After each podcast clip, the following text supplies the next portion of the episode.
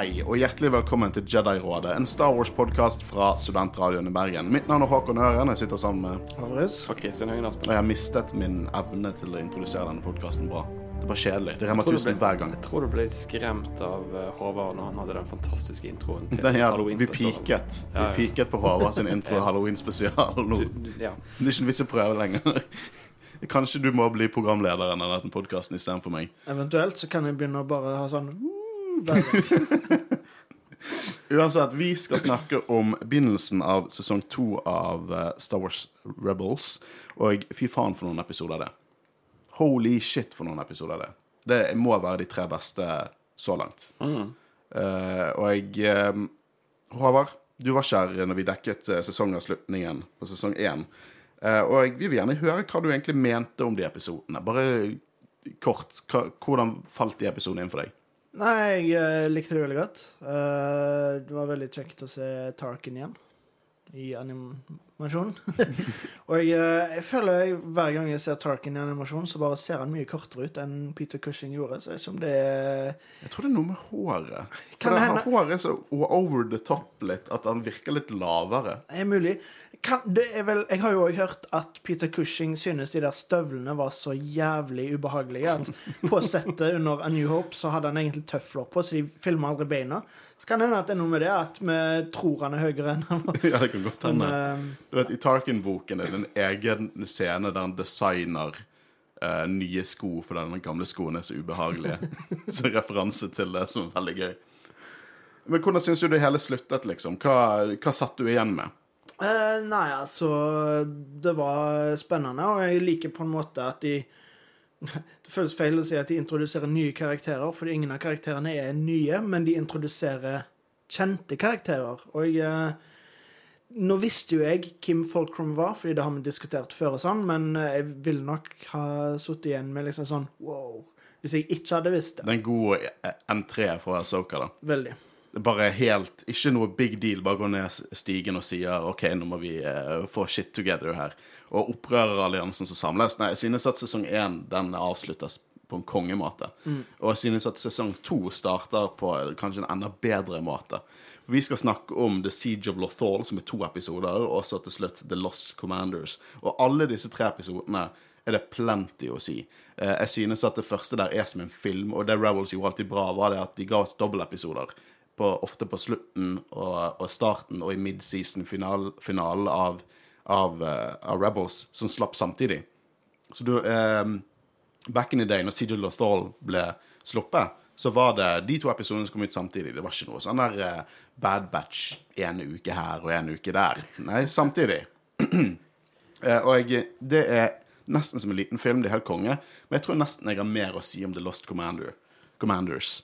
Eh, referanser til ting som ikke var under produksjon ennå. Det er referanser til Bad Batch der inne. Referanser til, til eh, Clone Wars Season 7 som ikke var produsert ennå. Uh, jeg synes det, det er helt konge å se den etter man har sett The Bad Batch og Clone Wars. Ja, helt enig. Det var flere ganger jeg satt og liksom tenkte wow, kult. Liksom, det må jo være fra Bad Batch.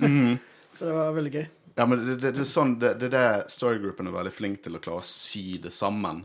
Det er noe mer enn retconning. Det er bare det at de holder ting åpent, sånn at man kan på en måte sette et eh, puslespillbit der senere. Syns det er helt konge. Men eh, hva syns dere om disse episodene, før vi går helt inn på det? Nei, eh, fra en knallsesongavslutning så er det en knallsesort start på sesong to, syns jeg. Og det blir bare bedre. Altså Midseason i sesong to er jo òg dødskult. Og jeg gleder meg til finalen òg. Finalen er kanskje Jeg tror det er kanskje mine to favorittepisoder. er Det, det er ganske bra, så du kan bare glede deg, Håvard. Men uh, jo da, uh, det er masse gøye referanser som du sier inni her, og mye easter eggs og masse gøy å henge seg inn i. det var gøy Star Wars. Det er bare det. gli inn i det, tenker jeg. Ja, ja, ja. Uh, men Christian, siden Håvard har vært på en sabbatical, så har han fratatt seg ansvaret om sosiale medier. Så, så kan, du, kan du guide oss gjennom det med sosiale medier? Jeg ser vi har fått en ny review, by the way. Har vi? Ja, På iTunes? Ja, vil, vil jeg skal lese den opp? ja, ja, kjør på. Uh, for det, den er ganske gøyal. Uh, det er fra brukernavn Rufus er ikke en geit! Han skal i opp. Ja, ok, er derfor du ga så mye innlevelse i det. Ja, yes. Fem av fem stjerner, fabelaktig. Den absolutt beste Star Wars-podkasten i verden! Utropstegn. Oi! Hva kan vi si til deg, Rufus? At du ikke er en geit. ja.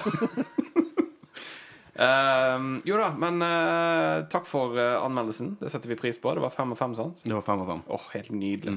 Eh, følg oss veldig gjerne på Twitter, Facebook og Instagram. Og så ikke gi oss en revy på Twitter, men veldig gjerne på iTunes.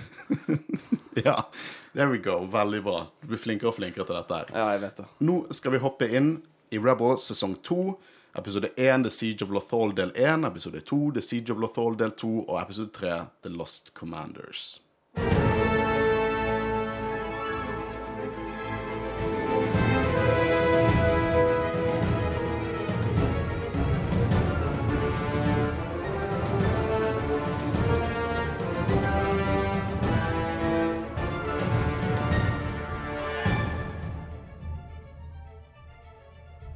Så begynner vi på The Siege of Lothal, og det som er gøy her, er at dette er skikkelig Star Wars-action.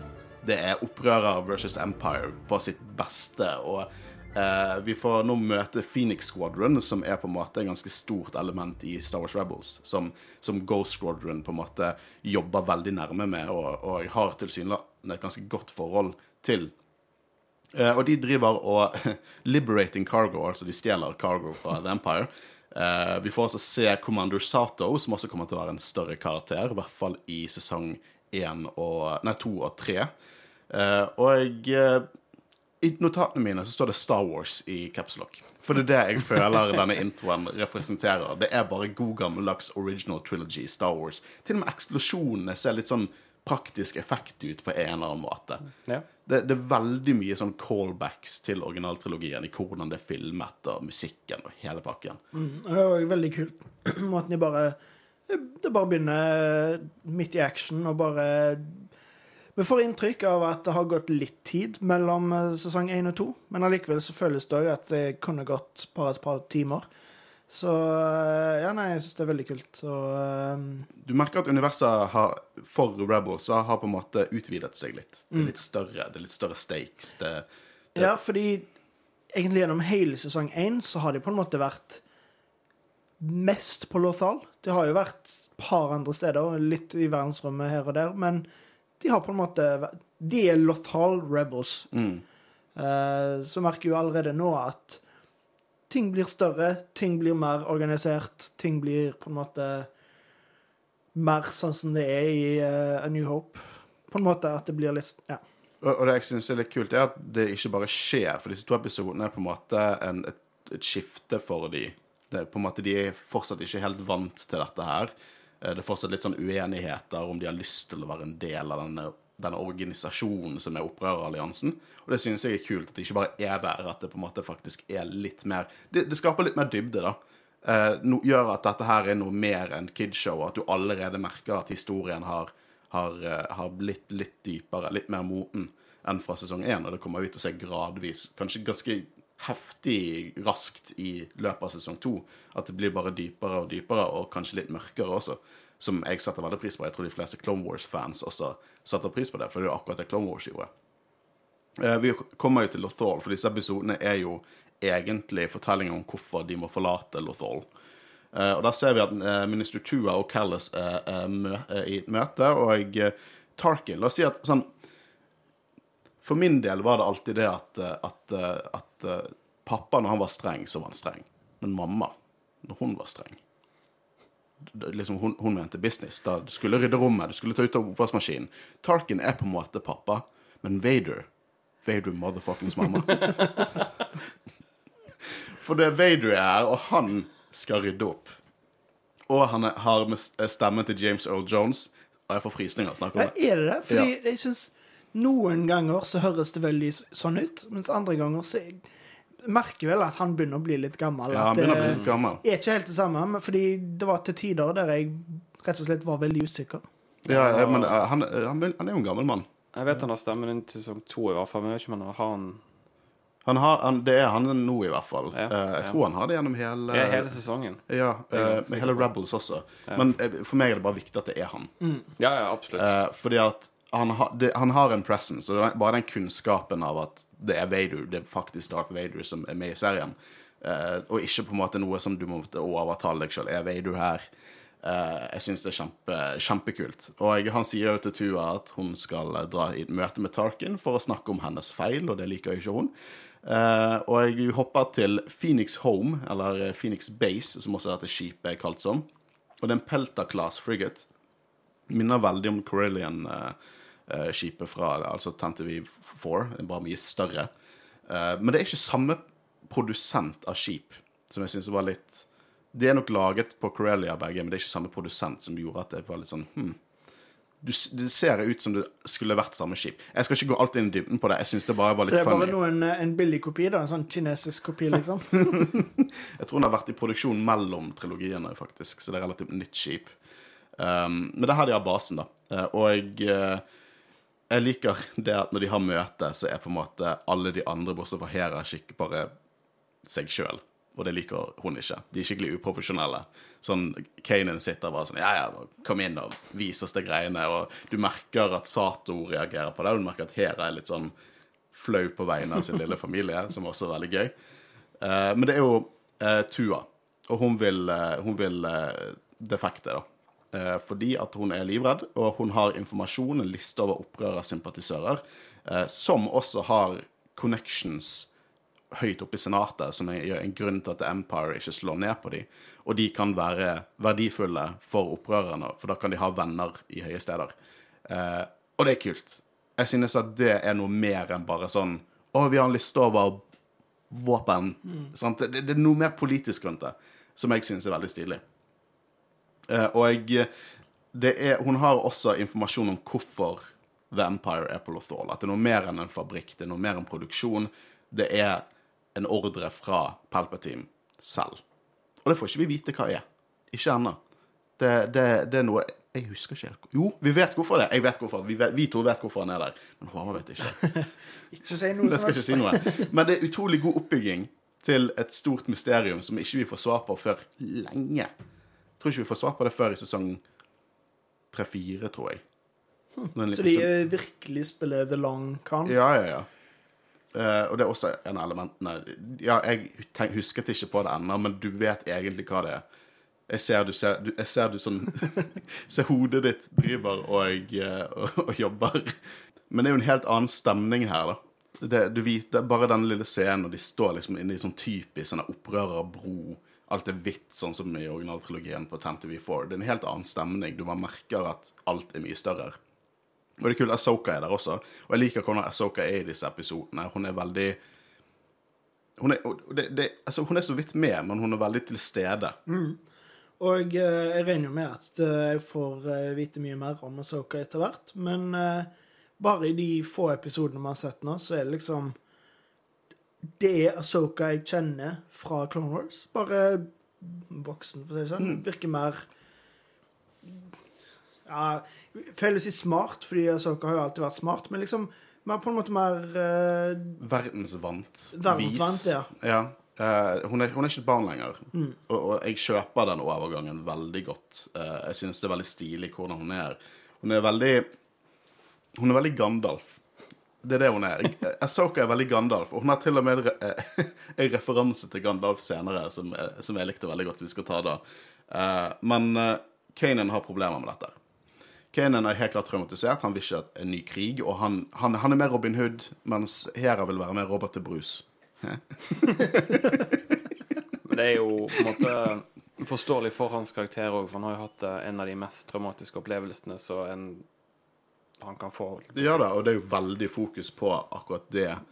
Han har mer frykt her i disse episodene. Og det, det bygger ikke bare i denne uh, arken her, hvis du kaller det en ark. Ja. Det, det vises jo òg veldig i neste, der du Mm. virkelig får mer i dybden på karakteren hans. Mens vi ser at Ezra egentlig er mer optimistisk til dette. Han tenker forut av sine følelser om at liksom vi må, vi må hjelpe oss sjøl til å bli sterke for at vi skal hjelpe andre. Veldig for opprørerne. Mens Kanan ikke i det hele tatt.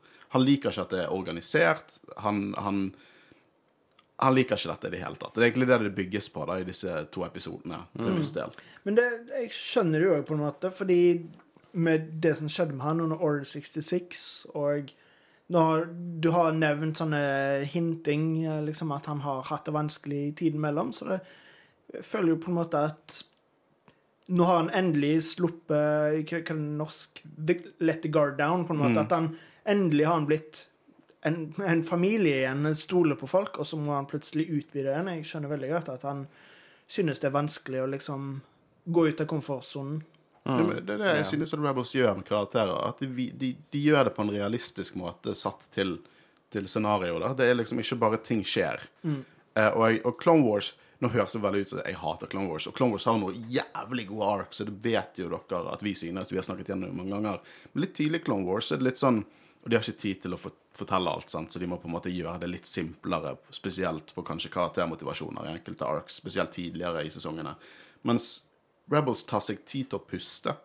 Og det er sånne episoder som dette som gjør at jeg setter pris på de episodene fra sesong én som kanskje ikke var våre favorittepisoder, men tok seg tid til å puste litt. Um, så jeg setter veldig eh, pris på det, da. Men de reiser jo til Lothal, for de skal redde Tua. Ezra viser det at fordi alle de andre, Veldig mange av de andre er sånn Nei, hun var Imperial, fuck hun. Men Ezra vil Hun er redd. Han senser at hun er redd, og, og pluss denne listen kan hjelpe dem. Så de drar jo mot Lothal for å redde Tua. Og så er det litt denne her tingen som hele tiden kommer, for de føler seg kald. Ezra føler seg kald. Det er et eller annet nærvær på Lothal. Ah, det er så jævlig kul oppbygging. Men han føler seg kald når de reiser dit. Um, og du merker det at Empire har virkelig økt nærværet sitt. Det er en keiserlig blokade rundt planeten, flere Imperial Class Star Destroyers. Ting er mørkere, dystrere, det er mindre folk i gatene. Eh, og eh, nå skal de infiltrere The Empire, da. Så det blir jo klassiske kle seg ut som Stormtrooper.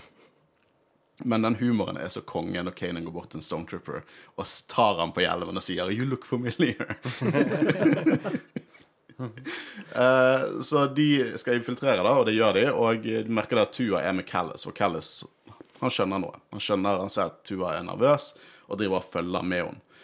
Eh, og jeg eh, Jeg må bare si en ting, og det har, ikke, det har jeg egentlig ikke poengtert ut tidligere. Det er dette med designet til Stormtrooperne i denne serien. For jeg syns det er virkelig kult. Jeg liker det der at de ser, de ser litt lei seg ut. Enda mer lei seg ut. De har en mye større sånn her frown. Men det er, det er et eller annet med disse Stormtrooperne, og jeg, jeg husker jeg, jeg begynte jo ikke å bygge noe særlig Star Wars-lego før korona. Da fant jeg ut at jeg bryr meg ikke om jeg, om jeg er for, liksom, for gammel for dette her. Jeg bare begynte å bygge Lego. Og jeg husker at de, når Rebels holdt på, så så jeg litt at det var sånn Star Wars-lego rundt omkring. Og jeg hatet designet på det, for alt så sånn Stormtrooperne var overdrevet. alt det der. Men i serien så synes jeg de ser, jeg, bare liker designet mer og mer. Og, og eh, poenget mitt her er at vi snakket jo litt om det i begynnelsen av sesong én, hva du, Håvard, spesielt synes som designer. Men hvordan har du følt at det hadde vokst på deg på noen måte, eller? Det har vokst på meg eh, litt nå, og jeg eh, merker veldig godt på Vader i hvert fall at det er veldig inspirert av Ralph McCory? Ralph McQuarrie. Ja. Eh, Du ser liksom på tegningene at det er noe med på en måte At det ser litt sånn smalere ut, og liksom Så når jeg så klipp fra Rebels tidligere, så synes jeg ikke det var så kult, fordi eh, jeg følte det liksom så veldig ut som en barneserie. Eh, men uh, det- har vokst litt på meg, ja. Uh, I hvert fall sånne ting som Stormtroopers og eh, ja, animasjonsstilen generelt. Det er jo bare en tilvenningssak, egentlig. Det er bare det er en utrolig stor overgang fra den rebel-stilen som vi er kjent med. Så, så det, det tar jo litt tid, og det tok litt tid for meg i begynnelsen å bli vant til det og begynne å sette faktisk pris på det. Uh, men jeg synes at jeg setter veldig pris egentlig på, på Rebel-stilen. Og jeg merker at budsjettet øker litt og litt mer. Denne episoden er kanskje Det ser litt bedre ut. Det ser litt mer finpusset ut. Alt egentlig med lyset og alt det der. Vi får på en måte den, den overgangen som vi også fikk i Clone Wars, der det på en måte begynte, I begynnelsen så så det egentlig ganske i begynnelsen så det crap ut. Sorry. Begynnelsen så er Clone Wars, Første sesong av Clone Wars er crap ut. Uh, men så blir det gradvis bedre og bedre. Uh, men hele poenget her er jo det at The Empire framer opprørerne sånn at Tua blir drept når hun løper inn i en, eh, i en shuttle mens de redder henne, sånn at det ser ut som at opprørerne har drept Tua. Eh, Vader står og ser på rolig, og det er helt klart en felle. Uh, til og med Callis smiler uh, når operaene blir hentet for å på en måte flykte, og til, og til slutt skutt ned igjen. Så dette er en av de, disse arkene der jeg setter veldig pris på det, fordi Empire er usedvanlig kompetent. Selvfølgelig når Vader bare er direkte med i spillet. Men det er gøy å se at det ikke bare er goofy stormtroopers. Det er faktisk Du skjønner hvorfor disse her er en makt som skal bli tatt seriøst, som faktisk styrer universet, eller galaksen her. Og eh, nå føler jeg på en måte Jeg tenkte det egentlig ikke på det før nå, men det er ting som skjer her som på en måte snur litt om på hele Rebels. Eh, litt som du sa med at ting er ikke så goofy lenger. For eksempel eh, Nå er Tua død. Ikke at hun var super-goofy, men hun var på en måte litt sånn den Det var liksom, Hun var litt sånn merkelig. Men òg de der eh, kommandantene som alltid er med. De var med på eh, på det der de ville love at vi aldri skulle nevne navnet igjen, for jeg allerede glemte det. Eh, Ja, jeg husker ikke sjøl, men de som han, han som er sånn svær og han Veldig comic booky Ja. ja. De ble jo, i hvert fall han ene, eller ble begge, Begge to drept? drept av Grand Inquisitor. Vader. Ja, det var en quiz Ja, ja. mm. Men det var i sesong, slutten av sesongen. Ja. Så føler jeg at det er jo på en måte et veldig godt eksempel på måten at tonen skifter litt, da. At de kvitter seg med de litt sånn goofy eh, karakterene, og nå blir det litt mer ja, vanlig Empire, da. Ja, men- Eh, ja. eh, Tatt ut ifra den diskusjonen du hadde med Guro her eh, i sesongavslutningen. eh, Bare gleder deg til å høre det, Håvard. Eh, er hun en av de karakterene du på en måte sikter til som på en måte er good uh, litt mer ja, jeg tror ikke Tua er en ond person. Nei, men det er vel liksom en av de folkene du på en måte sikter til når du på en måte kommer med argumentene Ja, dine. ja, Tua er ikke en ond person. og Hun liksom hun, jeg, tror ikke hun, jeg tror hun er litt for naiv. Hun er, hun er ignorant på hva The Empire faktisk er. Hun, hun, er, en karriere, hun, er, en, en karrierekvinne i liksom den lille, lille backwater-planeten. Og hun rett og slett leker med krefter som er beyond her. Uh, og, og hun er jo, sånn som Håvard sier, ikke goofy, men hun er som en liten sånn karikatur av hva liksom en dum imperial er, liksom. Altså, jeg føler du får inntrykk av når du ser henne i sesong 1, at OK, hun kommer til å gå vekk fort. For hun er ikke en typisk Empire-karakter. Mm. Ja, men, eh, og, og det at de faktisk dreper henne. Det er brutalt. Ja, og, og jeg digger det. Du, selvfølgelig digger du det. Du er jo pro Empire. Ja, men jeg, jeg digger bare generelt på tonen til serien. sant? For det, at det Ja, fordi det understreker virkelig at det ikke er en barneserie. Mm. Eller altså at det ikke er på en måte Det er ikke det samme som Star Wars Resistance, på en måte. Mm. At det, er, det er, har litt sånn voksne undertoner og mer realistisk med tanke på Star Wars. At ting er mørkt og Og dyster, men fremdeles på en måte kan kom, altså, Det blir en fin kombinasjon av på en måte noe vi kan se på, som gir oss noe som Star Wars-fans, men i tillegg barn kan se. For at jeg, tror det kan, eh, jeg tror det er en fin definisjon fin- på en god Star Wars generelt, egentlig. Ja, for det var det vi òg snakket veldig om i uh, Lego-spesialen Mm. som vi dekket. At det er på en måte Det er både for fansen og for Men dette er ikke så skummelt som Lego. Yes. Nei, men eh, du, du Ja. Du skjønner hva jeg mener. Ja da. Eh, så nå er jo de on the run. Eh, Vader har full kontroll. Han gir beskjed til innbyggerne at dette er opprører snikmordere som nettopp har drept Tua, og de er sted i byen. Alle skip som forlater spaceportene, kommer til å bli skutt ned, og det er genialt, egentlig. Eh, og eh, opprørerne de skjuler jo seg nå i Estras gamle hus, og må, nå må de finne ut at de må forlate Lothal for godt. Eh, jeg liker også det at uh, Ezra på en måte anerkjenner det. da. Det er, han nå, nå de, de kan ikke fortsette det de, sånn som de har gjort tidligere. De må faktisk nå forlate planeten. De må bli sterkere, sånn at de kan hjelpe planeten senere. Uh, og det også er på en måte Dette her er nesten sånn Begynnelsen av sesong to er egentlig konklusjonen på sesong én, på en måte. Eh, og når Stormtroopers dukker opp, så er jeg ganske sikker på at Chopper sier 'shut the fuck up' mens han låser døren. Eh, og så er de under, er run, og de finner ut at de kan komme seg Eneste stedet nå som er relativt trygt for de for å reise fra, er The Imperial Complex, for det, det er minst troopers der. Uh, så de skal infiltrere basen for å finne et uh, skip. Jeg elsker Mindtrick-scenen. Det er helt fantastisk.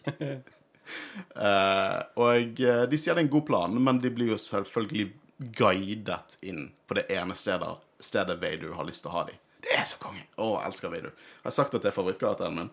Uh, Sabine finner også disse shield generatorsene, som de også lette etter i begynnelsen av episoden.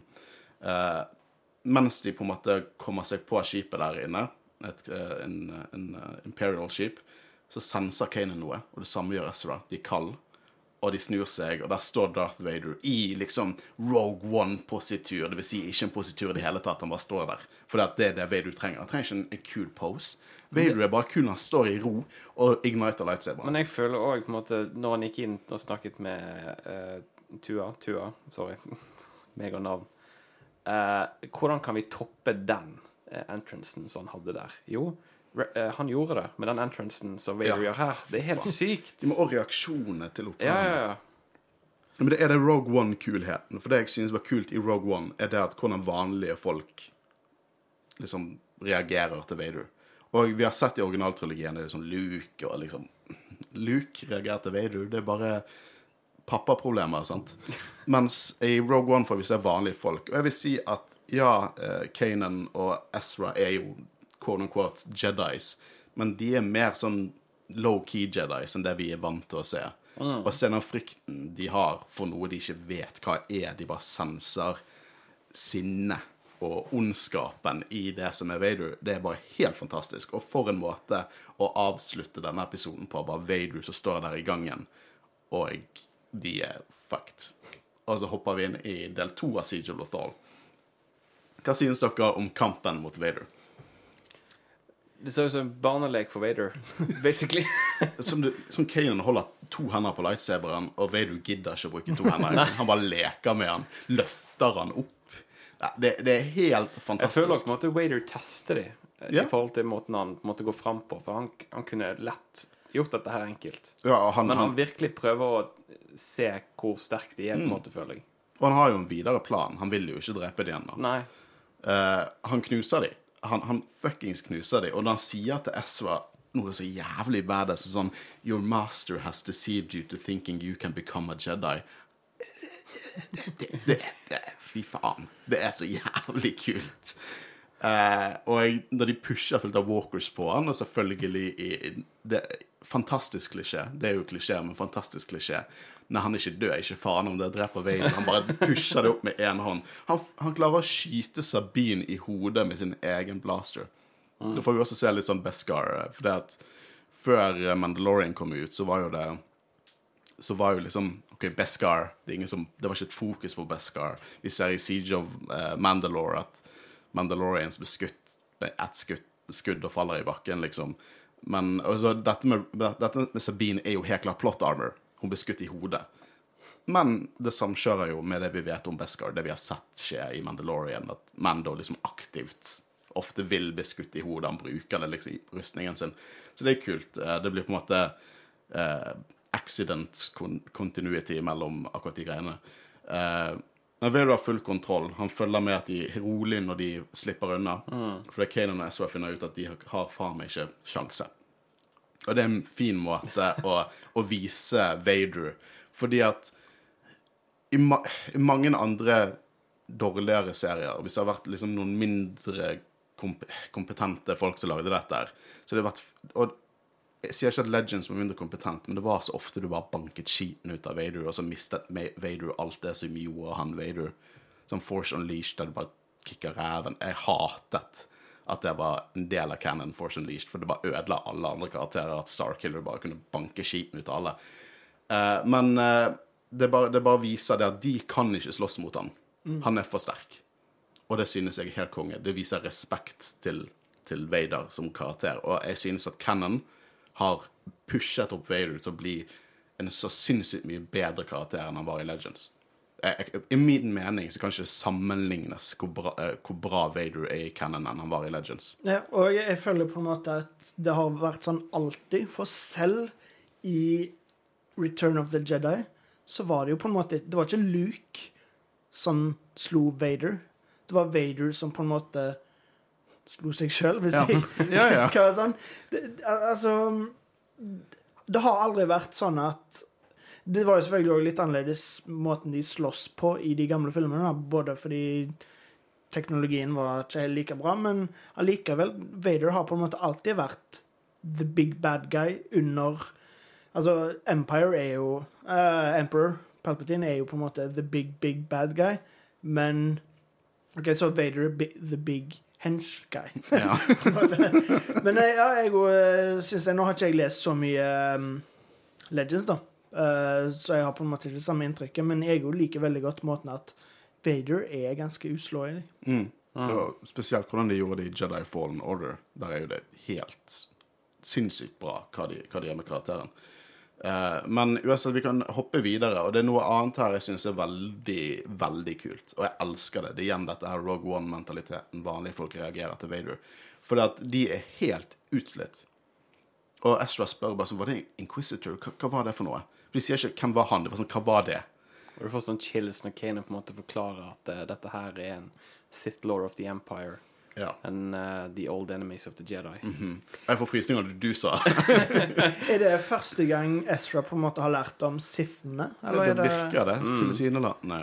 Hvorfor er det en greie i Star Wars, egentlig? Hvorfor ikke si med en gang at det er en fiende som Jediene har, en naturlig fiende som er Sith? Selv om de på en måte er ute. Det er jo en ganske relevant Akkurat som i sesong 1, når han liksom bare Å ja, by the way, det du kjente der, det var the dark side of the force. Kan- Ganske relevant, ja, men egentlig. La oss tenke litt. da. Det er jo ikke sikkert at, at, at Kanan har så mye innsikt i det, egentlig. Tenk når Order 66 skjedde. Det, det, det visste liksom de vanlige, vanlige Padawans liksom at det er Sith er tilbake, det er noe greier. Tror dere de var klar over det? Det er et godt poeng, egentlig. Og, og, og, og, og om vi tenker litt mer sånn rasjonelt da, sånn, Nå har du The Empire, og du har liksom disse Inquisitorsene som De kommer og jakter etter dem. Trenger han å vite at liksom eh, Tror du de tenker at de er big nok game for en Sith Lord? Nei, kanskje ikke. Nei, men Det kan jo diskuteres, eh, men jeg synes jo uansett at hvis, eh, hvis dette er en fantastisk måte, eller scene, der vi får liksom frykten av en Sith Lord istedenfor at vi får en sånn i sesong én Ja, by the way, det finnes Sith Lords, og sånn hmm. Mens her er det bare sånn holy fucking shit. Ja, det er jo veldig mye i sånne ting som Star Wars som er på en måte Det har alltid vært the rule of cool. Måten de Og for eksempel i neste episode, når jeg kommer tilbake til det da, der er det sånn De hinter til noe, men så sier de det ikke, og det hadde vært så mye bedre om de bare hadde sagt det rett ut. Og men, tror du meg har nok å si om akkurat det? men så er det fordi at det skal være en kul reveal, da. Så Ja. sånn sett så gir Nei, men det Jeg er jo egentlig enig med deg, men det, det jeg synes alltid er gøy igjen, når vi finner sånne, kan vi kalle det plot hole, eller liksom Jeg føler Det er ikke så ille at det er et plot hole. Det er bare en liten Det er ikke en tracking fob, liksom. Nei, det er ikke men de sier at de ikke kan bekjempe han da. Eh, og de er stuck på Lothal pga. den blokaden, så de må smugle seg av planeten, og da trenger de hjelp, til, eh, hjelp av en fyr, eh, noe som eh, Ezra og Kanan er veldig lite happy med. Men de trenger hjelp fra Lando. Og da henger jo det igjen med den tidligere episoden med jævla Puffer Pig og alt det drittet der fra sesong én. De trenger hjelp fra Lando. Men eh, flertallet vil ikke ha hjelp. Ja, det. er det som er kjempegøy. Eh, vi får jo også en utrolig mørk scene når Vader bare begynner å snakke om Tarkin Town, og så sier han 'jeg vil at du skal brenne den'. Uh, og uh, videre snakker de med Lando, og det blir en sånn uh, Lando har jo full kontroll på dette med gambling og sier at hvis de vil tilby han to skjoldgeneratorer, så betyr det at de har minst seks. så han vil ha tre. Uh, og det ender med at de skal få hjelp fra Lando sin uh, droid, som er fra sørstatene.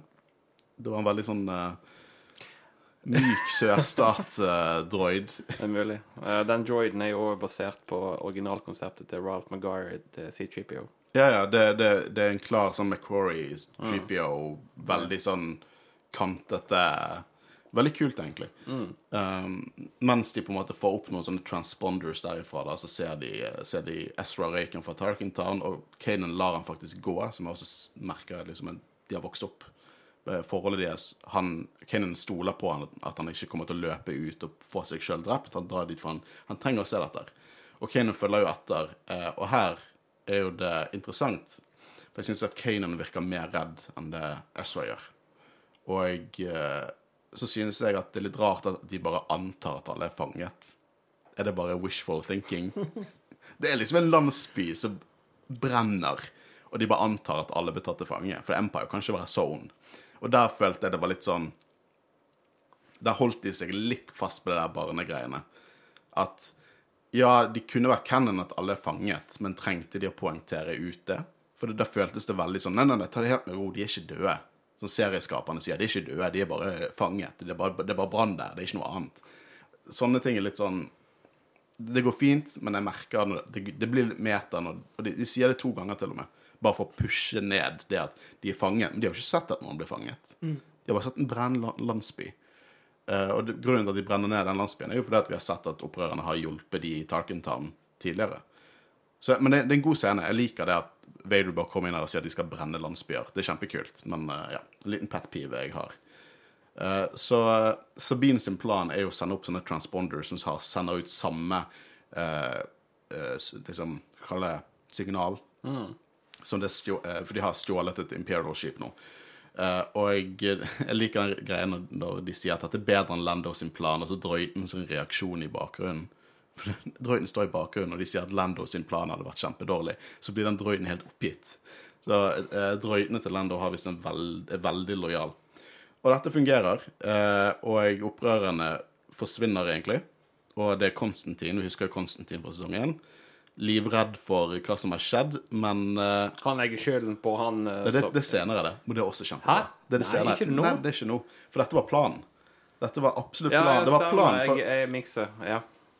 De, det var absolutt en, en, en plan, for de vil jo at de skal tro at de er trygge. At de tror at de har outsmartet Vader og Empire. De tror de, de, til, de liksom Vader og Callas er så tro på sin plan at de vet at Konstantin kommer til å fuckings feile fordi han er ubrukelig. Og så har de en tracking device på skipet, og så fører de rett til flåten til opprørerne. Det er briljant. Det er kjempekult. Elsker det. Ja. For det, det er jo faktisk litt sånn Det er en, det er en sånn skikkelig kul Star Wars-plan som kunne fort gått feil. Litt sånn som planen til Luke i Return of the Jedi. Da, sånn, hva var egentlig planen hans? Veldig mye elementer som må passe perfekt her for at det skal gå. Eh, men de kommer seg eh, På vei til opprørerne så er jo en liten diskusjon her om de vil være med opprørerne. Og Kanan er imot det, men jeg liker at Seb og Ezra er de som vil joine de igjen. Seb og Ezra er jo de mest umotne i den gjengen. Det de, det er to liksom Det er to brødrene, to barna, liksom, der. Og de to er de som føler at dette her er det logiske å gjøre. Som også er en sånn fin måte å vise at de karakterene er ikke bare comic relief. Og det er ikke bare liksom den unge gutten som må lære, de har faktisk visdom. Uh, noe jeg håper de gjør litt med Wrecker i senere sesonger av Bad Batch. Jeg tror de kommer til å gjøre. Istedenfor at han er bare enig med alle som har et poeng. Um, så Vader følger jo etter at alt dette var planen, og eh, når de har kommet seg til opprørerne, så finner du Chopper trackingen. Og dette, dette Helvete heller. Hvis jeg hadde vært Sato, hadde jeg angret på alle valg jeg har tatt med denne jævla familien. Ja, men det er sånn, De kommer inn her, de skal redde Tua. Det klarte ikke de. De klarte ikke å finne skjoldgeneratoren tidligere i episoden. Og nå kommer de tilbake igjen med en fucking tracking device, og hele Empire vet hvor flåten de er. OK, amatørfeil, men effektiv eh, Nei, E for effort var det jeg mente.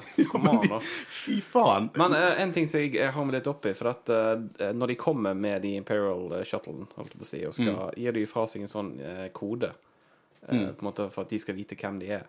Eh, jeg la meg litt merke til den koden, så jeg søkte det opp på eh, nettet. Du er veldig flink på akkurat det der, for det, henger, det faller aldri inn for Nei meg for, å nei, for grunnen til at jeg kommer opp på det, var for når det var veldig kjent hvis du gjør det om til en dato. 18.12.2015.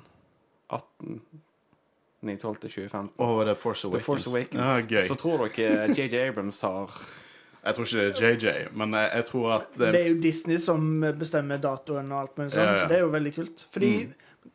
dette var Dette var vel eh, Altså, Rebels er jo Disney-produkt, er det ikke? Det var, Så da var det jo bestemt. Men Ja. eh, det er jo veldig Men jeg synes det var Kult kult at de gjør det. Ja, jeg syns det er veldig gøy. Jeg liker når de gjør sånne ting som det der. Men det, det, det, og det er veldig få som legger merke til det. Det, er veldig få som satt og så Rebels bare sånn oh, for Awakens! Ja, det er sant. Uh, og det kuleste her Jeg har sagt det ordet veldig mye. Men det kuleste her er hva Vader i en Tie Advanced Det kuleste her, er- det er vel det du skal si nå, at Vader gjør alt på egen hånd. Ja. Han kommer inn med en Tie Fighter og fuckings Og det er Tie Advanced, den fra originaltrilogien, den flate reven. Han alene i det skipet fucker opp den flåten. Det er ikke kult. Det er helt fantastisk. Og det er så passende òg, fordi jeg føler Vader og Anakin var veldig cocky. Så det er liksom Ja, og så- har han på en måte Han uh, Jeg tenker uttrykket if, uh, Hvis du skal gjøre noe Spinning's a riktig good trick. nei, nei, nei, Hvis du skal gjøre noe riktig, gjør det sjøl. Ja. Og det er veldig Anakin, det er veldig Clone Wars Anakin, og det er veldig Kylo Ren. I hvert fall Last Jedi Kylo Ren, når han bare går inn der og fucker opp. Ja. Uh, det er helt fantastisk. Og dette er jo første gang Asoka og Vader er i close proximity siden slutten av Clone Wars, uten at noen av de vet det ennå. Eh, og alle joiner kampen, inkludert Asoka. Det er en flott sånn derre Å, vi skal alle kjempe, og alle løper inn i skipene, og de sier liksom check når de er på kommandostasjonen. En veldig sånn originaltrilogi. Uh, og jeg, jeg elsker når Hera sier OK, kids, do your mom and dad proud. Helt fantastisk. Elsker det. Og uh, Asoka senser noe. Alle med, alle med Force Power senser noe. De må finne ut hvem, hvor sterk denne piloten er med The Force. Så de på en måte, Kanan og Asoka de på en måte connecter litt sånne ting vi har sett eh, i Clone Wars med, i Jedi-tempelet, og hvordan de skal hjelpe Yoda meditere. Litt sånn, de, jeg vet ikke, de connecter på en måte fysisk, og så prøver de å finne ut dette. Uh, og mens de driver og finner ut dette, så sier, hører du Ezra på Common liksom at han senser frykten, sinnet, hatet av dette Sith Lorden de var borti. Og det kutter til Vader som sier The Apprentice lives, og Asoka besvimer. Dette er en av liksom de svære I, i, I mine notater står det 'Fy faen, Håvard'. Ja, fy faen, Håkon. Det var et kult øyeblikk. Ja, men det er, det er jo Jeg får frysninger når jeg snakker om det. Det er jo så nydelig Star Wars-øyeblikk. Eh, og eh, Vader alene det skipet har fucket opp Phoenix Home, eh, altså kommandoskipet, så de må forlate skipet, og nå kommer det Destroyers også, så hele Empire has arrived. Eh, og det er her dette flotte, denne flotte scenen skjer, som du hintet til senere, der det eh, Admiral Constantine fucker opp. Så du kan jo fortelle oss hvordan det skjer. Nei, det er veldig artig, for at han fucker jo opp, og så ser du på en måte ansiktsuttrykket at han skjelver litt inni seg, for at eh, han må nå ta muligens konsekvensen av dette her. Men han legger jo sjøl ned på han eh, ene På en underoffiser. eller noe sånt. eller noe sånt. For det, Vader skal jo fange Ghost Crewet sant? og få skipene til å blokkere. Og da skal de ta de tractor beamen, og bare det øyeblikket sånn Ja, vi har fanget et skip. Ja, bra. Er Vader sitt. Ha faen? Kunne tatt med det, men det var bra. Ja. Nei, men Jeg elsker hvordan det er, for det er sånn Sovjetunionen, Tsjernobyl. Hvem har feil? Hvem er det som har feil i dette her? Og når Konstantin så jævlig ondskapsfullt sier sånn der Nei, gå fint, dette var ikke din feil. Og så har han der fått det smilet helt til han hører at det er Vader de har fanget. Ja, helt- altså, Men Vader vil jo ikke vite at det ikke var din feil. Så ops. Men det, hele denne sekvensen her fra Vader dukker opp, eh, det er så kult. Ja, nydelig. Jeg, jeg har jo poengtert ut før at Rebels har noen av de kuleste animerte spacefightene. Ja. Og det virkelig understrekes her. Med eksplosjoner og alt. Det er bare Det, det, bare føles som Star Wars. uh, jeg liker også nå på slutten at for Asoka snakker litt indirekte om Vader. Og uh, Kanan sier at han har ikke kjent noe sånt siden Clone Wars. Vil du si at mange av Jediene kjente Anakin? Nei, sånn, men følte Anakin under, når han gjorde det han gjorde? Det kan jo hende at uh, Altså, nå var jo Yoda ekstremt sterk i kraften, da. Eh, men til og med han kjente jo at noe skjedde når, uh, når Order 66 ble gjennomført. Du ser jo når han er på Kashyyyk, at han liksom bare omtrent mister stokken og faller. Så det kan godt hende at når tusenvis av Jedier blir drept på en gang, at Vader er nesten personifikasjonen av Order 66. Mm. Så, så det gir mening, og det, det er utrolig kul dialog, rett og slett. Asoka sier jo at hun ikke vet hvem det er, men jeg tror nok hun har en liten teori. Og jeg tror at det er veldig kult, for det at jeg tror at Asoka har tanken 'er dette Anakin'? Men jeg tror også at hun nekter å ville bare godta det. Jeg tror ikke, Hun vil heller håpe at Anakin nå er død, og ikke dette her er Anakin. Og det sier så mye om karakteren og så mye om båndet mellom Asoka og Anakin. Det er helt fantastisk. Og hvordan det fortsetter inn i Rebels.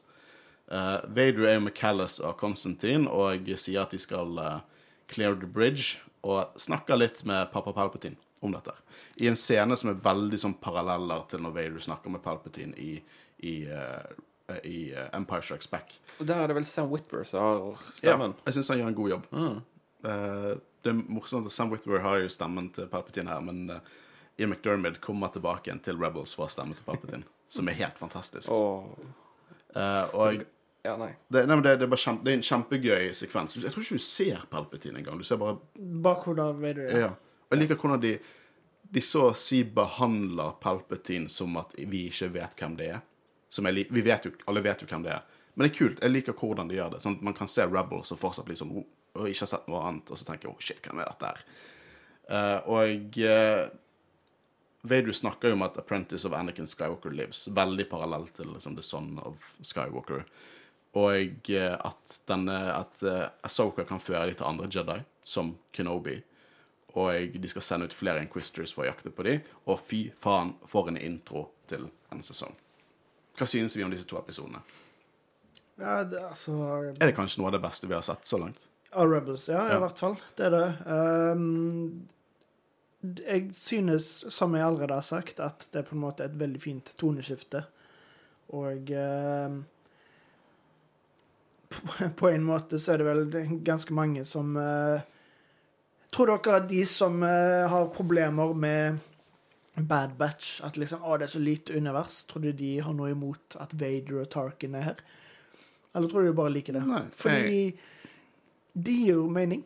Jeg føler det, det er så naturlig, og det er så store deler av Star Wars-universet at det må jo bare se. Og spesielt sånn som det var i uh, siste del av sesong én, at før så har det vært uh, Inquisitor, det har vært han Agent Callus og sånn. De har på en måte vært ganske lave Altså low level rebels og sånn, men de har på en måte vokst, og spesielt når de finner ut at det er en Jedi, så eh, Ja. vil jo komme til å være involvert, da. Definitivt. Eh, og jeg, det gir mening at Tarkin er involvert også. Eh, og jeg tror, jeg tror Palpatine er veldig interessert i dette. I alt dette her, med, med Kanan, Ezra og nå Asoka. Så jeg, jeg, jeg syns det gir mening. Og så Igjen det der med universet for lite. Det er gøy med kontinuitet. Jeg vil ikke bare se nye karakterer. Jeg vil se en miks av begge deler. Det er det som er gøy. Kom an, Christian. Ja. Men hva synes du om dette? Her? ja, eh, nei, helt klart The det beste Rebels så langt. Eh, to knallgode episoder. Eh, god pacing. Jeg, vet ikke om jeg kan toppe det som dere har sagt i det hele tatt. Det er så Hva er ditt favorittøyeblikk? to det, det, det er så mye. Jeg, jeg, får uh, frysninger flere ganger i episoden uh, når Kane snakker om sitt lords, og når uh, Anakin og Soak Nei, Wader på en måte får en connection med Soka. Mm. Det, det er så Ja. Det er mektig. Mektig, det er det er mektig. mektig Star Wars. Men eh, nei, to kraftige eh, episoder som på en måte åh, eh, jeg, jeg liker mye av sesong to, Mm. men det, det er to av de beste. Ja, jeg er enig. Det er helt fantastisk. Eh, Neste episode syns jeg også er, eh, er veldig bra. Og veldig gøy for, for de som på en måte har et dypt forhold til Clone Wars og til Bad Batch, egentlig. Eh, For vi skal hoppe inn i episode tre, The Lost Commanders. Og de trenger nytt command ship, de trenger ny base, de trenger nytt alt. Uh, og Kanan er litt bekymret. De trenger mer direkte hjelp for at dette her skal gå. Men Asoka hun kjenner en stor kommandør som kanskje kan hjelpe dem, men som hun har mistet kontakt med. Og Håvard, hvem tenkte du dette kunne være? Det var egentlig bare én jeg tenkte det kunne være. Jeg skjønte det med en gang. Um, det må jo være Rex. Ikke Jar Jar Bings eller noe sånt? Nei. jeg, føl jeg føler altså Asoka kjente jo for all del mange forskjellige, men ganske mange er døde òg, så det, måtte være Rex. Mm. Men dette var jo før sesong sju kom, så da var det vel eh, Folk visste vel ikke at Rex var i live og alt mulig sånn. Nei, det var uh, ikke det, Jeg tror det kom leaks ut når sesong to at liksom Rex kom til å være med, men det var, sånn, det var ikke noe som var satt i stein. Så De kanskje hvis jeg ikke hadde hatt sett siste sesong av Clone hvis jeg hadde sett Rebels uh, når det kom ut, så hadde det nok vært et litt sånn større reveal, men Mm. Eh, Ja, og det er jo her jeg skjønner veldig godt eh, Eller det her det jeg nevnte forrige, eh, tidligere i episoden, liksom at Stol på meg, og stol på han. Og Liksom, de bare liksom, Ja, men hvem er det, da? Stol på han! Wink, wink, wink, wink. Men Det, er liksom der, det hadde vært naturlig å sagt Å ja, by the way, jeg vet du ikke liker kloner på det Order 66, men han er en klone, liksom. det er akkurat Det Det er liksom på en måte en fin Hva om hun bare hadde sagt det? Ja, liksom, det er jo som jeg, jeg vet ikke hva det er, for det er noe i Jedi bullshit. Det er liksom sånn at hun skal teste deg samtidig som jeg skal hjelpe deg. Det er et eller annet sånn Det er så typisk. Det er sånn Yoda-ting å gjøre. Bare Det er en sånn ting som er igjen rule of cool, for det er en kul reveal, men in universe så gir det ikke mening. jeg hadde, altså, Om hun på en måte hadde sagt Rex der, så hadde jeg fremdeles syntes det var en, måte, en kul måte å gjøre det på. Ja. Selv om eh, de på en måte gjør det på denne måten. Men, men Så det, har- det, har, det har en viss fordel å fortelle hele planen med en gang. Å, skal du trekke inn, eh, trekke inn Last Jedi nå?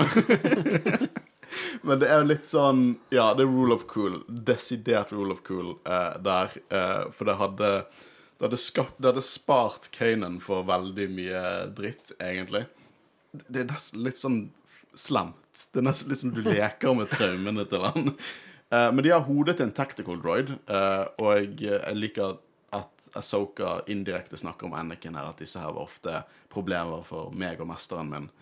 Eh, så de skal dra til Silos-systemet. Det må jo være det samme tactical droid-hodet som Bad Batch og Martez-søstrene stjeler i Shit, eh, ja, visst faen er det det. i, Visst eh, faen er det det. Det er good catch. Holy shit. Ja, det må jo være det. det å, det er kult. Tror du det var planlagt, eller at de bare ville ha At de bare tenkte Å, husker dere den der i sesong to av Rebels, når vi hadde en sånn tactical role Kan vi lage en episode der de henter det? Ja, det tror jeg absolutt eh, Det er helt fantastisk. Shit, awesome. Det tenkte ikke jeg over engang. Det er derfor du er her. Jeg trodde du skjønte det, for det var jo det jeg hinta til tidligere i episoden. Jeg har ikke peiling. Det er ikke jeg som kan ting her, tydeligvis. Uh, her sier jo Asoka There are questions. Questions that need answering. Det er jo Gandalf. Han sier akkurat de ordene i Fellowship of the Ring. Sant? Ja. Han sier akkurat de ordene i Fellowship of the Ring, og så drar han til Saruman og alt det der. Og Gondo. Hun er en Gandalf. ja. Ja. Og sjekk ut Hun får rustningen. jo en stav på et punkt. Så det, Ja, sant. Sjekk ut rustningen til Sabine. For er hun endrer rustning, eh, maler den om, eh, i hver sesong. Og jeg tror at det symboliserer noe mer, egentlig. For det er sesong én så har hun på en måte litt lettere rustning på seg. Hun har på en måte en T-skjorte, og så rustningen. Veldig mye sånn lyse, glade farger. Her går hun litt mer inn i dystre farger. Hun dekker til armene sine med, med en jakke. Eh, litt mer down to business. Eh, og det kommer til å fortsette sånn jo mer. Så det, det, det er en kul måte, sånn estetisk storytelling, å fortelle hvordan hun som karakter selvfølgelig maler hun sin hele tiden. Det matcher jo karakteren hennes, men også at det blir litt mer en, en dypere, dypere Det er mer seriøst, da. Det er litt mer seriøst, og det er litt mer alvorlige ting som skjer rundt dem. Men de kommer til skipet, og dette hodet begynner å si 7567 om igjen og om igjen. Og eh, tenkte dere at det var Rex sitt eh, nummer når han begynte å si det? Uh, jeg må innrømme at jeg hadde glemt ut nummeret hans, så jeg tenkte egentlig mer at det var koordinator eller noe sånt. Nei, Første gang jeg så det, så la jeg ikke merke til det. Og så etterpå sånn, oh, shit, det er Rex. Uh, og de kommer over en gammel ATTI som ser latterlig kul ut. Det er nesten som en sånn uh, Forest Gump shrimp fishing-båt, bare at det er en Walker, og de helt klart bor der, og de har festet gamle motorer på den, og et lite hus. Nydelig design på den. Jeg bare syns det er fantastisk. ganske artig og kult. Ja, ja, Jeg ja. syns det minner litt om um, oh, Hva er det den heter?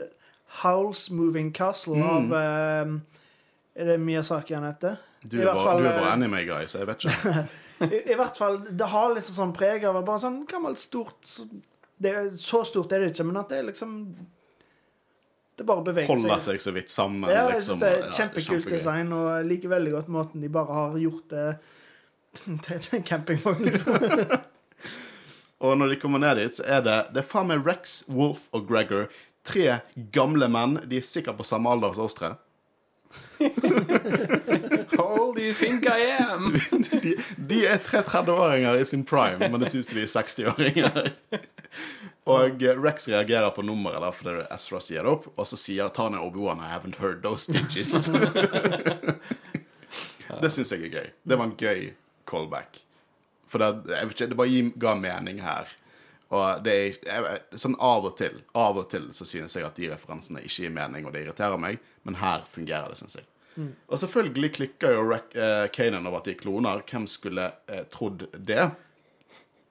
Eh, og jeg, eh, liker hele denne her, eh, dialogen her, fordi at vi har sett Gregor. Vi har sett han i Bad Batch. Han er enda mer kooky. Han er, han er mer crazy her. Ja, ja. Han viber noe sykt med Seb i denne episoden. Hvem av dem var Gregor i Bad Batch? igjen? Bad han, eh, han clone-kommandoen som de reddet på slutten. Hans Det var, ja, okay, det Ja, var han jeg tenkte, men han var liksom bare så mye Ja, for du, du, du, el eldre. men du har ikke sett han i, i, i Clone Wars, men i Clone Wars er han ganske seriøs. Sant? Og så ser du han i Bad Batch, den litt sånn til tider. Og nå er han Nå er han bare full-blown Joaquin Phoenix-joker, eh, bare litt, litt mer gladere, da. Eh, og Wolf Wolf er jo helt klart der bare fordi at det er favorittklonen til, uh, til Dave Filoni, og Dave Filoni elsker ulver, så Wolf er der. Jeg liker også hvor seriøs Jeg liker hvor seriøst Rex tar seg sjøl. For det, han er en person som holder seg han, han liker å ha respekt. Og, og han er veldig det der at erfaring er liksom det viktigste å ha. Han, han er veldig glad i å si og det er en direkte ordre. Liksom, bitch, please. Wolf er en kommandør. Du er en kaptein. Nå, ro deg ned, Rex. Men han er klart lederen av denne trioen. Han holder de, to, de tre sammen. Når han sier at han heter, han heter Rex, han var lederen av 501st Battalion, uh, han, si, han sier det med stolthet. Han er stolt av det han har vært gjennom. Og, og jeg liker det når han sier til Wolf at husk at Jedien er ikke de som forrædet oss. Uh, og jeg, dette her er egentlig en sånn Det er en veldig fin liksom bookend på forholdet mellom Jedi og kloner. Og hvordan det forholdet har blitt en- bare skitnet til etter Order 66, og hvordan det kanskje kan få at, de kan få liksom lukket det vonde i akkurat det, da. Så det er en veldig sånn terapeutisk episode for eh, hovedkarakterene våre. Og det er jo her også eh, Rex, når de sier at Asoka sendte dem, så sier Rex at han har ikke hørt fra henne for lenge, og at han kjempet med henne gjennom Siege of Mandalore, eller fra Battle of Christophsis, Clone Wars-filmen, til Siege of Mandalore. Og Siege of Mandalore er en referanse til sesong 7 som ikke hadde blitt, vært i produksjon ennå. Bare hintet til. Eh, og det syns jeg er gøy. Mm. Det er jo ganske kult. Akkurat som i uh, originaltrilogien, når det liksom bare hintet til Clone Wars. Akkurat som jeg skal vite hva det var, på en måte. Og eh, det var jo veldig gøy. Det tenkte jo ikke jeg over, siden jeg eh, ikke hadde sett det før, da. Men fordi jeg tenkte jo at Jeg glemmer hele tida ut at Rebels kom ut før. på en Mm. måte. Det var litt kult. Og det, det lukker jo det, det bare gjør at det er så natur... For det, storygroupen er flink til det. Så jeg tror at det er veldig naturlig for oss å se Clone Wars. Og så når vi får hele Bad Batch og ser hele Bad Batch, så tror jeg det kommer til å være enda mer naturlig å bare gå inn i Rebels etter det. De er utrolig flinke til å gjøre akkurat det. Og det samme har jo de gjort med Mandalorian, med å dra inn Dark Saber og alt det der. Eh, og det er sånn Når først Dark Sable ble introdusert i Clone Wars, jeg tror, ikke, jeg tror ingen hadde planer om å gjøre det til en sånn stor ting. Det blir gjort større i Rebels når det, det skjer, og så bare megakult. Som, som om på en måte det er en parallell storyline som går utenfor alle disse seriene og på en måte blandes. Det er bare fantastisk kontinuitet. Noe Legends var dårligere på, men, men Cannon har stålkontroll på. Og nå utdyper jo Cannon. Det går dypere inn i f.eks. High Republic eh, og, og forut av bakteppet til, til Skywalker-sagaen, så jeg tror at vi har jævlig mye godt i vente. Uh, men uh, jeg liker også at Ezra, Ezra liker clone-hjelmene. Jeg elsker det at han bare elsker hjelmer. Jeg, jeg, jeg setter meg veldig inn i Ezra sine, sin personlighet der, for det er jeg veldig glad i. I Star Wars-hjelmene. Ja, Eh, Det er menn som står og stirrer på oss her as we speak. Men de trenger hjelp. Eh, de eh, opprørerne de trenger koordinater og informasjon om tidligere sånne opprørerbaser og våpen og whatever eh, fra klone. Og klone de, de trenger hjelp til noe annet. Men vi får også litt sånn innsikt i hvordan at klonehæren ble erstattet, og Rex har utrolig lite motivasjon til å komme tilbake inn i kampen igjen, noe vi, han er veldig motivert i Bad Batch. Så jeg tror igjen at det er noe som skjer i Bad Batch, som gjør at Rex mister all motivasjon. som vi ikke har sett ennå. Eh, og eh, det de skal gjøre her, er at de skal, eh, de skal fiske etter jupas. Uh, og og Gregory vil ha hjelp til det, da. Han trenger Seb. Her er en annen ting. Hvorfor ikke bare fortelle hva som skjer her? Hvorfor, hvorfor ikke bare fortelle? Hva er planen din? Og, Akkurat det her skjønner jeg, da, fordi hvis, du, hvis jeg hadde sagt til deg Håkon, kan du hjelpe meg med noe? Og by the way, det kan hende at du blir spist av et stort monster. Hadde du hjulpet meg da? Nei. Men hvis jeg måtte, så hadde du kanskje Du kunne forutsett litt, da. Eh, for det at de skal, de skal på en måte de skal, klar, de skal fiske etter denne jupaen, og så går jo han Det er jo en fiskestang. Vi ser jo at det er en jævla fiskestang, så Seb, går, Seb er bytte. For Jupers de elsker lasats. Eh, det, er liksom, det er noe dune-shit. Det, det, det er tremors. For det er store orm, sandormer. Eh, og du ser egentlig at alt dette her egentlig bare de vis, Serien viser nå at klonene og jediene opprørerne jobber kjempegodt sammen. De har liksom, de viber, de jobber godt sammen. Men så er det også jævlig uansvarlig, for de prøver jo De kan jo ende at de dreper en av de. De tvinger jo de til å måtte jobbe så hektisk sammen. Så hvis de bare hadde informert litt mer Det, det blir liksom feil, feil ting de forteller oss, da. Så de jobber godt sammen i en krise som klone villig satt i. Ikke fordi de måtte, bare fordi de ville. Eh, jeg liker også den scenen når Gregor For Kanan har jo kjempeproblemer med dette. Han, han liker ikke dette i det hele tatt. Og vi får også en scene litt tidligere der eh, Kanan åpner seg litt til, til, til Ezra. Han er klar over chipene. Som også får meg til å tenke litt. Kommer vi til å se Kanan igjen i Bad Batch, der han får mer informasjon rundt chipene? For han må jo vite om de chipene på en eller annen måte. Hvis ikke Asoka har fortalt det til ham mellom episoder. Jeg vet ikke. Uh, men uh, han snakker om det. Han bryr seg liksom ikke om chipene. Det er liksom, den tragedien det var stor nok for han at det betyr ikke så mye. Men Rex kommer inn og sier at han ikke Forredet sin Jedi. Og jeg har lyst til å, diskutere litt det, for det var omdiskutert når, når uh, sesong 7 kom ut. Forrædet Rex sin Jedi? Har, han- har han grunn nok til å si det i Rebels, at han ikke gjorde det? Hvem var sin Jedi? Var ikke Ahsoka. det Ahsoka? Mm. Han gjorde Delvis, Han- han- men uh, Ahsoka klarte jo å fjerne chipen før han gjorde noe Og han, Og du, og du merket i på en måte når Order eh, 66 ble gitt, at Rex på en måte prøvde å, han prøvde å stoppe det. Han prøvde virkelig å få kontroll over det som han måtte gjøre. ja. Og han, han, han klarte å si fives. Finn fives. Ja. Og hvis ikke hun hadde funnet Fives, så hadde jo hun ikke hatt muligheten til å kunne få chipen ut av Rex. Så jeg vil heller si at Så Rex var mer, mer på å hjelpe Asoka. ja. Så mm, på en måte Han kjemper jo aktivt mot det. Han vil ville nok mest sannsynlig etter hvert strevd mer med å holde tilbake, Mm. men han gjorde jo alt for å ikke gjøre det, så jeg vil på en måte ikke si at han forrædet henne, for han ga jo henne på en måte tid til å på en måte komme seg unna. Det var han aktivt ga henne informasjon som gjorde at hun kunne redde dagen. Ja. Jeg vil så- si at han kan si det at han ikke forrædet sin Jedi. Ja. Og han, han har jo forklart at de tre har, har eh, fjernet chipen. Vi vet historien til Gregor nå, var hvordan han ble reddet. Mm, Men, vi vet, kan tydelig se det skarret i pannen deres. men vi vet ikke historien til Wolf. Så tror dere vi kommer til å se Wolf i Bad Batch? Alt er mulig. Tror du vi kommer til å se flere kloner som Rex redder, som kanskje ikke møtes en så god ending i Bad Batch? Jeg tror det. Alt er mulig. Jeg håper vi ser Cody, jeg. Det er det jeg, Jeg håper vi ser Cody i live action ja, Kenobi. jeg, jeg håper, ja, jeg håper vi ser Rex og Cody. Jeg håper vi ser noen flashbacks i, liksom. Jeg, vet hva, jeg vil ha en, en scene der vi får en praktisk Clone Wars-rustning. Nei, liksom Clone-rustning, og ikke digital. Mm. Jeg vil ha det. Det håper vi får i Kenobi. Uh, men men det, det, det er nydelig, da, for Ezra stoler på Rex. Og hvis Kanan ikke var så fokusert på å være uh, lei seg og traumatisert, så hadde han sett at det var en probroid som landet der. For det at en klone har kontaktet dem, vi vet ikke hvilken klone, har kontaktet Empire. Og det er en klone med historie om liksom delusional requests, og på en måte som viser også det at klonene er decommissioned fra The Empire, men de har fortsatt kontakt med dem. Så de har på en måte Det det organisatoriske avskjed til klonene. Jeg tror ikke de er klar over at Rex er der, men de er helt klart sånn Wolf har, virker som han på en måte blitt decommissioned. For det er Wolf det er Wolf som ser ifra, for han er scaredy pants.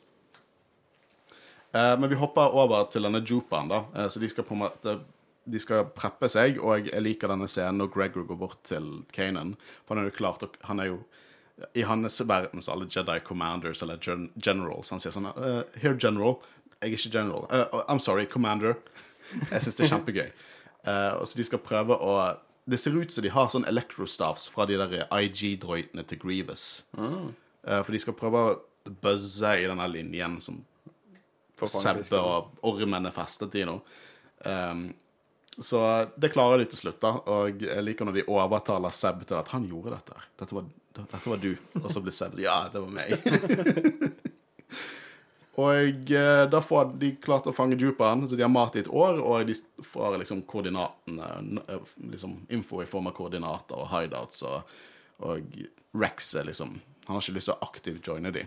Så det er liksom noen sånne rolige øyeblikk der Kanan og Rex egentlig egentlig snakker om sine tvil til hverandre gjennom Ezra. Som jeg syns er et fint lite karakterøyeblikk. Jeg liker også veldig godt når Kanan vil ha litt støtte fra Hera. Og Hera snakker om at liksom, hun har full forståelse for hvorfor han er så tvilsom i alt dette, og hva dette har vekket i, i han. Men hun snakker også om at det var en tid da Jedi og kloner kjempet sammen, og at kloner reddet liv, inkludert hennes egen. Og det må jo være en referanse til, til Bad Batch og Omega. Det må jo være det. Og, og det ga Å, det er, så, det er så gøy å ha sett den episoden i Bad Batch og nå se dette her, og bare få vite den bakhistorien. Det er det jeg liker med Cannon. Og på en måte se ting som blir hintet til, og så få en forklaring på det, og så bare Nå gir det enda mer Rebels etter jeg har sett Bad Batch. Jeg syns det er helt konge. Uh, så liker jeg også veldig godt at uh, alle disse indirekte referansene til Anakin De sier aldri navnet hans, liksom, men Rex snakket om en Jedi-general som har jobbet sammen med Som mente at en, en stor leder ledet med eksempel. Det, alle disse, det er så hjerteskjærende, og du vet hva karakterene føler, fordi vi har full kontroll over hva det er de hinter til.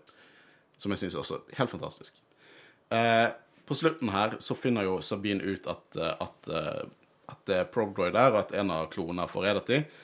Og Ahsoka, det viser seg at Asoka har prøvd å sende meldinger til Rex i alle år, men ikke fått svar. Og dette er Wolf. Wolf har stoppet meldingene fra Soka, Wolf har sendt meldinger til Empire, og de fikser det ved at Wolf sier 'I'm sorry'. I'm scared. Det er liksom Jesus Christ, Asoka og Rex har ikke kommunisert på flere år pga. Wolf, og det hjelper å bare si unnskyld. Eh, men han er redd. Her er jo også det at eh, Rex og, nei, Gregor og Seb viber så sinnssykt, og Rex still går dit og, og bare sniper den Prodroiden. Og det viser seg at de er strandet for øyeblikket, fordi denne Prodroiden har eh, sabotert eh, fartøyet deres. To be continued. Ikke av oss. Jo, neste uke, men ikke nå. Vi avslutter på en cliffhanger. Er ikke det kult? Jo da, det er noe nytt her. Hva skjer i neste episode? Hæ? Det må dere nesten følge med på Chatipod for å finne ut av. Men eh, ja, nei, jeg liker veldig godt òg at um, Fordi det var jo et par sånne to be continued i sesong én òg, men da var det stort sett på en måte Det var vel i begynnelsen, det var i slutten og midseason-finalen, men her er det på en måte Jeg liker veldig godt at, at det er så naturlig historie, sånn at det bare går fremover. At det er Jeg liker det veldig godt i forhold til Clone Wars. Det er ikke Wars Monster of the Week. Nei, det fungerer med på en måte sånne arcs, og at det er en sånn anthology-serie, men både i Bad Batch og Rebels så merker stor forskjell på at det er på en måte en kontinuerlig historie, og jeg setter veldig stor pris på det, fordi du lærer å kjenne karakterene på en helt annen måte enn du gjorde i Clone Wars, selv om det òg var god karakterutvikling der òg, da. Men eh, det er noe helt annet. Mm. Nei, men Jeg er helt enig. Det er derfor som sagt, jeg foretrekker måten det blir fortalt historie på um, i Rebels. Det er egentlig det at Med Clone Wars så går jeg tilbake igjen så ser jeg visse arcs hvis jeg har lyst til å se noe Clone Wars. Mens når jeg ser Rebels, så ser jeg Rebels. Da ser jeg hele serien. Fordi at det er så Det henger sånn sammen. Det er en rød tråd gjennom hele serien. Og, og, og vi vet jo nå at de legger frøet så de ikke svar, besvarer kjempe mye senere. Ja. Som viser at de hadde virkelig kontroll når de lagde dette. Ja. Eh, Jeg syns det, det er kjempegøy. Og eh, disse liksom disse tre episodene det er som en sånn gullgruve for Cannon Junkies. Og det bare blir mer, mer og mer blir lagt til basert på hvor mer som kommer ut når sesong 7 av Clone Wars kommer ut, når Bad Batch kommer ut. Så bare gjør det episodene bedre. helt fantastisk. Eh, Jeg, jeg er så hypet på å snakke med Rebels nå, for det, nå er vi der. Liksom, nå, nå har vi kommet der. Og sesong 1 var ikke så dårlig som jeg trodde det skulle være. Nå når jeg har sett det igjen og jeg diskuterte litt i dybden med dere, kanskje jeg var litt for, for, for, eh, for streng mot sesong 1. Men uh, jeg syns at disse tre episodene er helt klart de beste vi har, vi har fått hittil. Ja, altså Oppfølgeren til denne her òg er en solid episode eh, på samme nivå. Eh, og de Etter det så får vi òg en gammel kjenning tilbake. Jeg vet ikke hvis jeg ikke husker helt feil. Jeg skal ikke si hvem det er, men uh, Håvard har ikke sett det ennå. Nå blir jeg eh, veldig spent. Eh, så det, det, det ble jo ganske kult å snakke om han igjen, for han er en karakter jeg håper òg å se i live action. Men eh, Ja, nei. For en start. For en start. Ja. Helt fantastisk. Og vi har mye mer Star Wars i vente. Uh, vi eh, har egentlig Vi er ferdig med episoden denne gangen, men vi har også planer om å komme med en Bobafett-temaepisode. Uh, en eh, episode som vi kommer til å hype litt opp på Bobafett. Og så julespesial, hele pakken. Jedi-rådet har mye i vente. Men vi er ferdig for denne gangen. Mitt navn er Håkon Øren, og jeg sitter sammen med Årets. Og Kristian Høgen Aspen. Og vi er Jedi-rådet. Vi kommer alltid til å være Jedi-rådet. Og vi snakkes neste uke. Ha det bra. Ha det bra.